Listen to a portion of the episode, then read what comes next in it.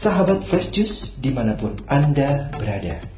Sesaat lagi kita akan mendengarkan Fresh Juice Senin 16 Agustus 2021 Bersama Frater Agustinus Meko Frater S2 dari Sekolah Tinggi Filsafat Teologi Widya Sasana Malang.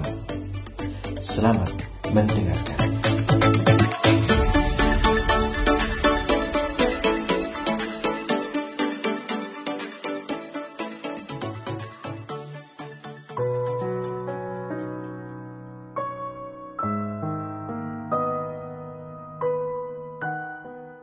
Sobat Fresh Juice di mana pun Anda berada, selamat pagi.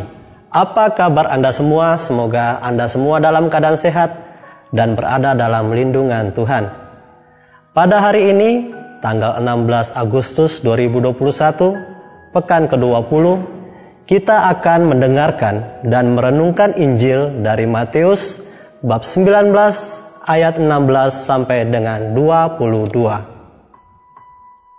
Marilah kita siapkan hati untuk mendengarkan Injil Tuhan. Semoga Tuhan beserta kita sekarang dan selama-lamanya. Inilah Injil Yesus Kristus menurut Matius. Dimuliakanlah Tuhan. Pada suatu hari, ada seorang datang kepada Yesus dan berkata, "Guru, perbuatan baik apakah yang harus kulakukan?" Untuk memperoleh hidup kekal? Yesus menjawab, Apakah sebabnya engkau bertanya kepadaku tentang apa yang baik? Hanya satu yang baik. Jika engkau ingin masuk ke dalam hidup, turutilah segala perintah Allah. Kata orang itu kepada Yesus, "Perintah yang mana?" Kata Yesus, "Jangan membunuh, jangan bersinah, jangan mencuri, Jangan mengucapkan saksi dusta. Hormatilah ayah dan ibumu, dan kasihilah sesamamu manusia seperti diri sendiri. Kata orang muda itu, "Semuanya itu telah kuturuti, apalagi yang masih kurang." Lalu Yesus berkata, "Jika engkau hendak sempurna, pergilah, jualah segala milikmu, dan berikanlah itu kepada orang-orang miskin." Maka engkau akan memperoleh harta di surga. Kemudian datanglah kemari dan ikutilah aku. Ketika mendengar perkataan itu, pergilah orang muda itu dengan sedih, sebab hartanya banyak. Demikianlah sabda Tuhan, terpujilah Kristus. Sahabat Fresh Juice yang terkasih, dalam bacaan Injil tadi kita telah mendengar bahwa ada seorang muda yang datang kepada Yesus dan bertanya tentang perbuatan baik apakah yang harus dia lakukan untuk memperoleh hidup yang kekal. Pertanyaan ini menjadi suatu yang khas pada zaman itu, pada zaman Yesus.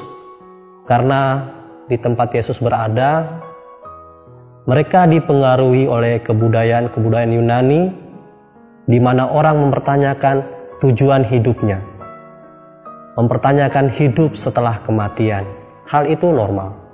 Bahkan untuk zaman ini, orang yang merenungkan perjalanan hidupnya tentu akan merenungkan apa yang harus dilakukan untuk memperoleh hidup yang kekal. Bahkan bukan cuma itu. Sebagai seorang suami, kita juga tentu bertanya, apa yang harus saya lakukan supaya menjadi suami yang ideal? Seorang guru bertanya, bagaimana saya bisa menjadi guru yang ideal? Semuanya seperti itu. Itu adalah tanda bahwa manusia adalah insan yang selalu berefleksi tentang hidupnya. Menariknya, Yesus mengatakan kepada seorang muda ini, hanya satu yang perlu kamu lakukan, satu tidak banyak, yaitu menuruti semua perintah Allah. Dalam tradisi Yahudi, atau kepercayaan Yahudi, orang itu diselamatkan jika melaksanakan perintah Allah atau hukum Taurat. Jadi ukurannya di situ. Perkaranya adalah perintah atau hukum Allah atau perintah Allah itu tidak sedikit. Setidaknya ada kurang lebih 613 mitzvah atau mitzvah atau perintah Allah yang tertulis dalam kitab Taurat. Di samping itu ada dekalog, 10 perintah Allah. Maka wajar saja jika seorang muda bertanya, perintah yang mana? Karena memang perintah-perintah dalam Taurat itu tidak sedikit. Yesus kemudian memberikan arah yang lebih spesifik, yakni ke sepuluh perintah Allah dan menambahkan perintah kasih di belakangnya. Jangan membunuh, jangan berzina, hormatilah ayah ibumu dan seterusnya.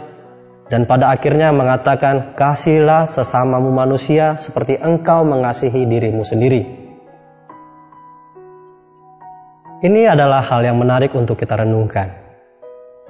Yesus mengatakan kepada orang muda supaya mengikuti perintah Allah yang ada dalam Taurat.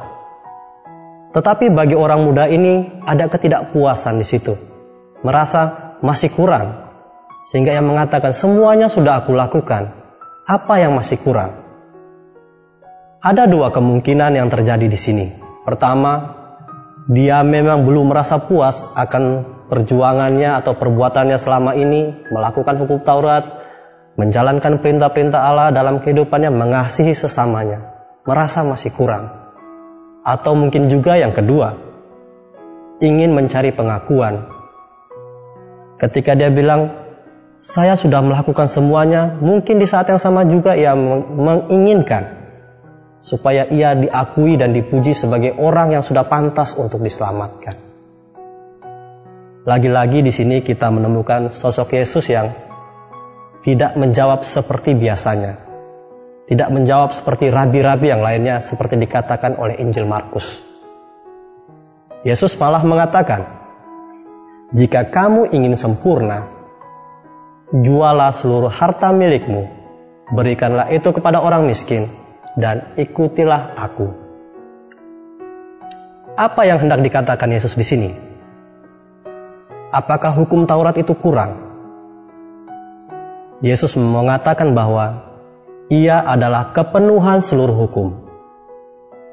Dengan mengikutinya, hukum-hukum yang kita telah lalui, kita telah lakukan oleh anak muda tadi di Taurat dan lain sebagainya, mengalami kesempurnaan dengan mengikuti Yesus. Yesus adalah jalan kesempurnaan. Lalu apa maknanya? Saudara-saudari Fresh Juice yang terkasih, Injil hari ini sebenarnya mengatakan ada suatu proses kita melangkah menjadi murid Yesus. Proses kita melangkah menuju hidup kekal yang kita impi-impikan. Proses pertama kita lalui dengan mentaati hukum-hukum. Itu menjadi lumrah dan normal, bahkan di dalam kehidupan bermasyarakat. Mentaati peraturan, mentaati semua yang ditentukan bersama untuk mencapai kebaikan bersama. Tetapi apakah dengan mentaati aturan itu saja sudah cukup? Apakah dengan mengikuti misa setiap minggu bahkan misa harian, rosario setiap hari, jalan salib setiap Jumat, koronka setiap jam 3 sore dan seterusnya sudah cukup bagi kita untuk diselamatkan karena kita melakukannya sesuai dengan apa yang ditulis entah itu dalam buku-buku doa atau dalam Alkitab dan lain sebagainya. Yesus mau menunjukkan satu langkah lebih maju, yaitu mengikutinya dengan melepaskan segala keterikatan-terikatan, melepaskan segala keterbelengguan-keterbelengguan, dan mengikutinya dengan penuh totalitas. Apakah ini mudah?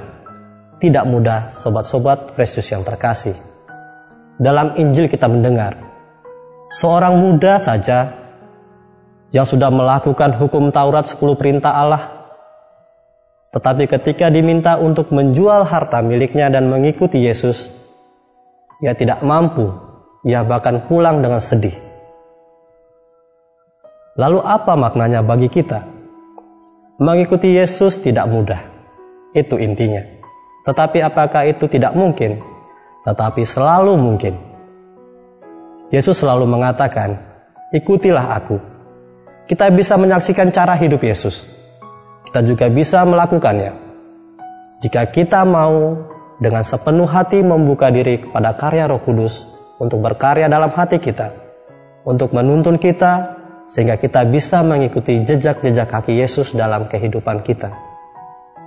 Kita bisa menjadi seorang suami yang ideal, menjadi seorang guru yang ideal, menjadi seorang imam, suster, biarawan, biarawati yang ideal, jika kita mampu mengikuti apa yang Yesus lakukan bagi sesamanya, apa yang Yesus lakukan bagi orang-orang di sekitarnya.